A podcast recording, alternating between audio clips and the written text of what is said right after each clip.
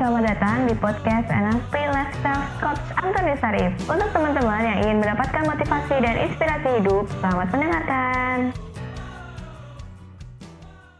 Oke, halo coach. Hai, halo. Ya, coach sehat coach. Sehat. Iya, ini mau curhat.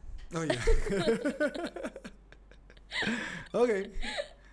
Eh, terkadang aku ya untuk aku kayak misalkan eh, seharian tuh eh pagi hari tuh udah cekcok gitu misalnya gitu pastinya Hmm. feelnya tuh udah jelek gitu Ya kan ada ada ada selisih lah, Ah, selisih ah, paham. Oke. nah kayak gitu terus kayak gini udah deh seharian mau ngambek nggak mau masak nggak mau nyapu nggak mau ngapa-ngapain kayak gitu Hmm. Nah, kayak gitu kan berarti kayak eh, jadi ketarik sama diri aku ya udah seharian nggak mau ngapa-ngapain gitu kan. Hmm. Nah, aku mau menghilangkan itu sih coach, tapi Ya, dengan oke. pakai loa. Oke. Jadi gini, saya cerita dulu ya Karin ya. Ceritanya eh ketika tahun saya lupa persis ya. Kalau nggak salah 99 atau 2000 apa 2001. Jadi eh dulu tuh saya tuh suka bingung Karin.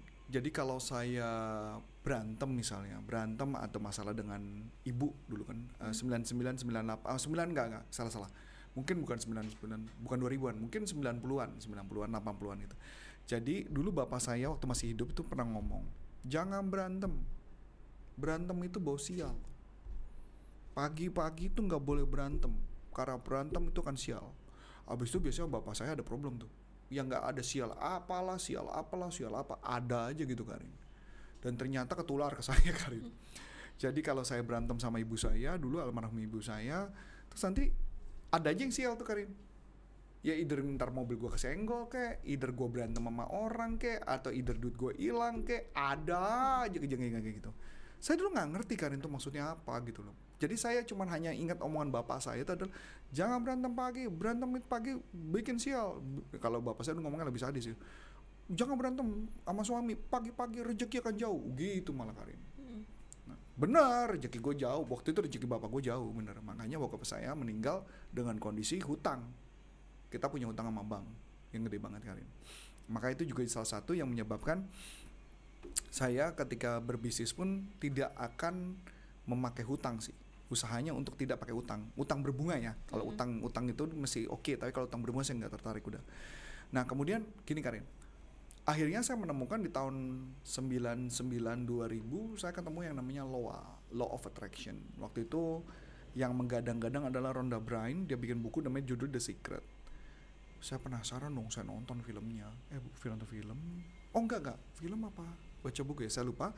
Eh, pokoknya ada tentang Rhonda Byrne dan saya penasaran. Saya tertarik videonya saya beli Karin. Saya beli di Amerika.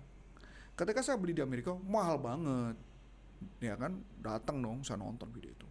Eh lucu loh ketika film itu udah datang dua bulan kemudian bajakannya banyak. Bajakannya terjadi. banyak. Sudah terjadi gitu. Padahal ya ampun kalau gitu ngapain gue beli di Amerika gue tunggu aja bajakannya. Cuma lima ribu kok kayak gitu deh. Tapi nggak nggak itu dulu ya. Tapi kalau sekarang sih apa pun saya beli harus original apa pun. Singkat cerita. Ternyata dalam film itu menceritakan tentang apa pun yang lu pikirkan akan lu tarik. Termasuk di dalam film itu dia menceritakan tentang eh lu mikir gajah tau ada gajah di samping lu gitu. Ada gajah datang pop gitu gajah muncul. Nah lucunya kehidupan kita itu sama kayak gitu Karin. Jadi kita kadang-kadang muncul ada problem itu karena kita yang narik. Kita yang menarik dalam cerita itu ya. Nah dari situ saya ngeliat eh iya ya kenapa hidup gue sial ya? Ketika gue berantem dengan pasangan aku ingat banget dulu aku berantem dengan pasanganku kemudian mobilku ditabrak. Sampai pernah eh, ban ban mobil tuh lagi posisi putar tuh Karin. Hmm, ditabrak tuh sampai ini satu lurus satu bengkok.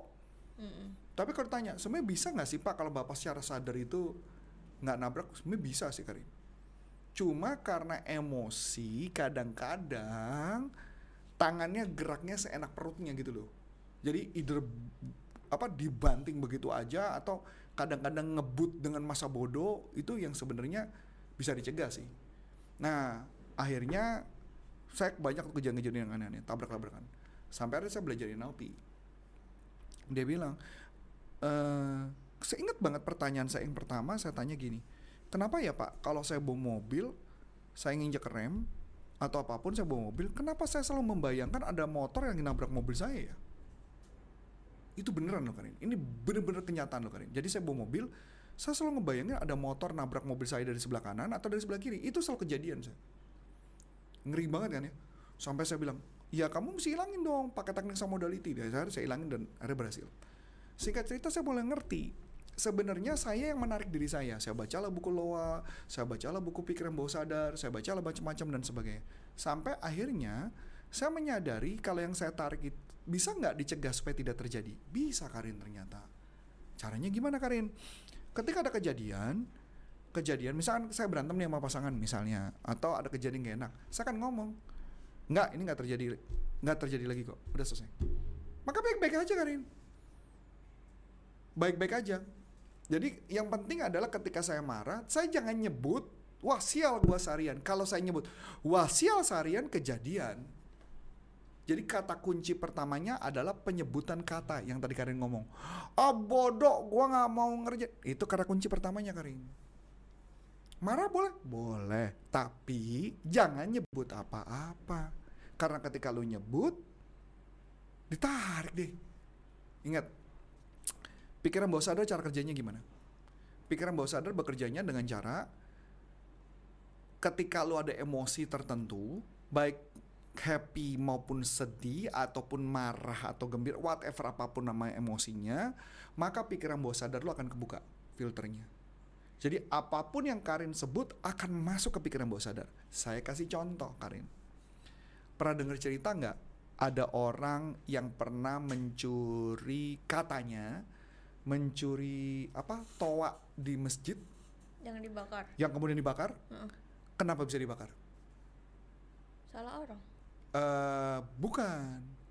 Karena ketika dia mencuri toa, ada orang di sekitar ngomong, udah bakar aja. Oh dikompor-kompori. Betul. Nah ingat, marah, pikiran bawah sadar kebuka, dibilang dibakar, maka dia ngebakar. Masuk kondisi hipnosis. Hmm, Kalau ditanya, dia sadar nggak ngebakar? Sadar. Tapi nanti ditanya, kalau mau polisi ditanya apa jawabannya? Saya ada bisikan setan, kata gitu Karin. Loh setannya itu yang sekitar yang ngomong. Makanya kalau kita lagi marah atau lagi apa pun, terlalu emosi yang terlalu berlebihan, pikiran bawah sadar kebuka mending jangan masukin apa pun. Jangan masukin kata apa pun. Jadi kalau saya nih saya marah nih, misalkan pagi, dek marah gitu ya. Saya nggak masukin apa-apa. Jangan masukin, wah sial nih. Wah ini, wah itu pasti masuk tuh ke pikiran bawah sadar.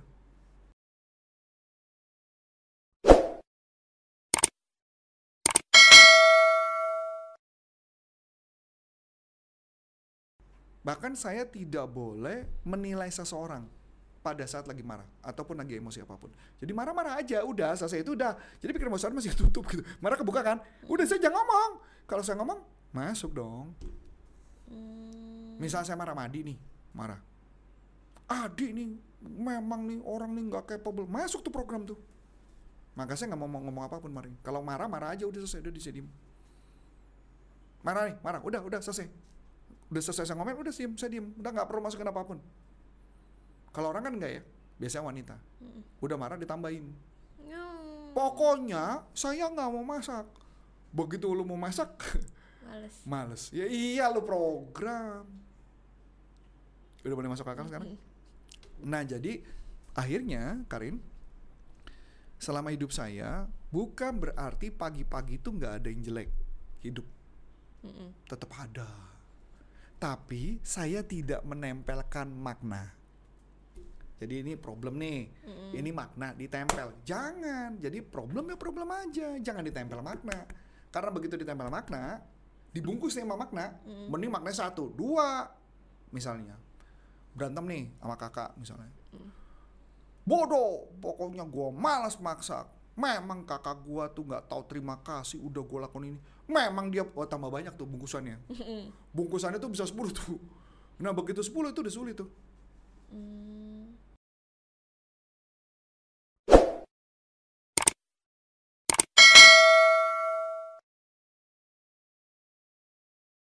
marah? Ya udah marah. Terus? Ya udah gue marah. Udah selesai marah. Ya marah. Nggak usah ngomong apa pun jangan sampai terlontar apa pun. Mm-mm. karena begitu terlontar itu yang terjadi dan ketika marah ada orang lagi ketemu Adi lagi lu pas lagi marah misalnya sama kakak lu iya memang kakak lu wah tambah jadi lu kali ini berarti Adi menghipnosis lu Oke. Kalau udah tergantung terhipnosis kayak gitu, bisa dikurangin nggak coach? Bisa dengan- Pemaknaan itu loh. bisa dengan cara di reframing gak ada rumus Oh. reframing jadi cari makna positifnya maksud baiknya apa jadi lu harus melihat dari posisi dia kira-kira kira-kira kira-kira maksud baiknya dia apa? Tapi kadang-kadang orang suka kadang-kadang misalkan contoh nih kayak contoh karena lagi marah nih. Terus kadang-kadang orang nggak ngerti. Terus ngas Karin cerita iya nih gini-gini terus dinasehatin. Itu bete loh. Lebih baik udah jangan nasehatin diemin aja dulu. Biarin dulu dia marah-marah. Selesai. Udah selesai udah baru kita ngomong kan ada orang enggak kan? Dikasih makna ditempelin ditambahin dipanas-panasin tambah biar jadi biar seru tambah parah gitu kan? Akhirnya abis itu lo ah, tarik gue yang semua yang negatif-negatif datang deh ke hidup lu. Setelah itu kan abis itu lu ngomong apa? Ini sih gara-gara kakak sih. Tarik aja semua semua masalah dalam hidup lo itu karena dia kan gitu loh. Itu yang terjadi. Jadi kalau buat saya pribadi, kalau selama ini kalau saya marah atau apa pun, yang penting jangan ngebuka, jangan kasih kesempatan, jangan ngomong apa pun, stop. Kalau sampai ngomong ngomong sesuatu, kalau saya sampai marah, saya diem. Kalau saya sampai mau ngomong, gue mau ngomong, eh udah udah udah udah udah udah udah udah udah nggak usah ngomong nggak usah ngomong, udah diem dulu, diem dulu, udah diem, udah diem, udah saya pergi dulu menghindar dulu, menghindar dulu biar otak saya waras, saya reframing, saya melihat dari sudut dia saya melihat dari sudut dia. Tapi kan kadang orang ditambahin, tam- ada penelitian menarik. Marah itu nggak bisa lebih dari lima menit. Kalau lebih dari lima menit, artinya ada drama. Karena Karin tambahin film, tambahin bumbu, ada orang sekitar. Jadi film lo bisa berjam-jam, berhari-hari, dan which is itu ngebuang waktu banget buat buat hidup. Saya tuh nggak suka ya. Jadi kalau kalau saya ya, saya kan juga bukan saya ya, kayak saya kan juga Adi juga sama. Kalaupun marah, ya marah. Tapi ya udah, ya udah, nggak usah dibahas. Kalaupun penempelan makna ada, ada. Tapi berapa banyak? Ya nggak usah banyak-banyak. Kalau mama wanita marah bisa berhari-hari kan. Itu apa istilahnya? Awet ya dia. Kayak dimasukin dalam termos. Termos jadi panasnya masih tetap terus gitu. Itu kenapa? Karena diberi makna terus. Jadi ada drama dalam film. Eh, ada drama dalam pikiran maksud saya. Ada film dalam film pikiran yang membuat drama yang kesannya tuh misalkan contoh lu bermasalah sama gua gitu. Memang Pak Arif nih gini gini gini. Lu ngobrol sama Adi, Adi tambahin. Oh, Lu ngobrol sama Rosa, ditambahin. ngobrol sama ini tambahin. Panjang tuh. Sampai berhari-hari lu bete sama gua. Itu karena film yang kita masukkan.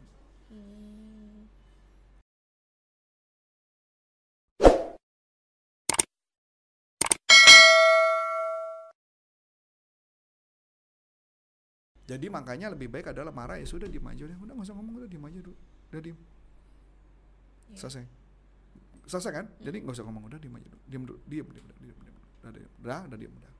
Tapi kadang-kadang kalau kalau berantem sama pasangan beda cerita sih kalau udah udah diem diem dulu ya sebentar. Diem dulu sebentar diem. Kamu kalau nyuruh gua diem sih? Pengalaman. pengalaman. Ya kalau saya gitu sih Karin. Kalau saya sih bilang udah ntar dulu ya ntar. Jadi kalau ditanya kalau antara marah kami berdua biasanya yang lebih lebih panjang marah si Bu Ana istri saya sih yang lebih lama kenapa karena buat saya ya udah ya udah selesai mau ngapain gitu loh jangan ditambah drama ntar ditambah drama dramanya tuh histori-histori yang lama dimasukin semua kok nggak nyambung Iya, Nah, tapi gitu. diungkit. nanti diungkit clear ya? Iya. jadi bagi supaya lo yang nggak ketarik apa jangan Memasukkan memasukkan apa pun, apa pun. ketika lagi dalam marah. emosi. Emo, jangan marah, Oh dalam iya, emosi. Emosi itu bisa gembira, bisa marah, bisa sih. Berarti bisa dong Karin menghipnosis orang ketika lagi happy? Bisa. Dia lagi happy nih. Eh, happy banget. Iya nih aku lagi happy. Traktir gue yuk. Pasti mau. Asal lagi happy ya. Gitu. Jadi artinya sama kalau ketika lagi marah. Bakar aja bakar. Jadi bakar beneran. Nah itu yang kasus yang pembakaran terakhir di masjid itu kalau nggak salah beli bensin beli bensin kan sempet beli lu Karin bukan ngambil Oh ya? Beli brand bensinnya bukan apa bu- apa bensin apa pokoknya beli dia bayar dia bayar Oh. Oh, berarti dia sadar ya Ih, semua orang sadar Karin, tapi karena di program hipnosis me- membakar aja pakai beli dulu bensinnya, beli bayar. Iya. Ya kalau orang masuk setan kan kagak kagak bakal bayar. Bang, kalau untuk kita nggak nanya nanti kan, itu sempet nawar nggak gitu kita nggak tanya itu. kalau sempet nawar lagi, wah lebih seru lagi tuh di. oh mahal bensin lo, sempet nawar gitu. Nah kayak gitu. Jadi itu aja yang kita mau bicarakan bahwa loa itu jangan sampai kita memasukkan apa pun dalam pikiran. Intinya itu. tadi ya ada yang menarik nih coach yang tadi kalau misalkan bahagia terus di eh, apa lagi seneng ya ya traktir gue kan itu iya gitu kan. Tapi misalkan lagi marah-marah nih terus eh, yang sifatnya yang seneng tadi misalkan lu lagi marah ya ya traktir gue yuk gitu kan nggak nyambung. Nggak, nggak bisa. nah kayak gitu nggak bisa juga. Eh, kalau emosi negatif, lu masukin negatif tambah jadi. oh oke. Emosi positif dimasukin positif tambah jadi. Jadi ke- sama-sama mesti yang se, se sejalan. Mm-mm. sejalan. Jadi kalau lagi happy kita ngomong happy akan jalan sesuatu yang positif yang negatif tambah negatif jalan coba misalnya ada orang maling gitu ya terus diteriak lu teriak gini jangan peluk aja sayang nggak bisa itu nggak bisa Karin itu nggak mungkin nggak sejalan oke oke Nah, clear ya? Ya. Jadi kata rumusnya adalah sejalan, sejalan dulu. Jadi kalau marah gampang. Makanya kalau kan ada beberapa yang rame di TikTok tuh yang siapa? Yang ribut apa terus kemudian eh, pasangannya ngomong udah pukul aja gitu kan? Atau wanitanya tambah rame. Itu yang kasus yang waktu itu katanya yang apa diberhentiin sama Satpol PP tuh. Yang drama sama Satpol PP katanya ada wanita eh, dimarahin suaminya ditegor, dimarahin suaminya udah oke, udah tenang. Istri- kalau nggak salah di film di TikTok ya, kalau nggak salah saya nonton ya. Istrinya kemudian ngambil kur marah di. Istrinya marah-marah. Marah-marah terus ngambil kursi lo dipukul satpol PP-nya kalau nggak salah singkat saya. Itu nggak jadi. Suaminya yang itu langsung bukan nyerang. sih yang pas ppkm dia masih buka warung itu bukan? Iya iya iya oh, iya. iya, iya. iya. Bener nggak? Heeh. Nah berarti kesimpulannya apa? jangan Suaminya sesabar apa pun, kalau sudah dalam kondisi kondisi kesamber, selesai cerita. Oke sih coach, menurut aku sudah cukup coach kalau misalkan mau ikut pelatihan coach Arif caranya gimana ya? Ah, tapi sebelum itu saya mau ngomong. Apa nih? gimana caranya supaya lu bisa dibela oleh oleh pasangan lu Hah?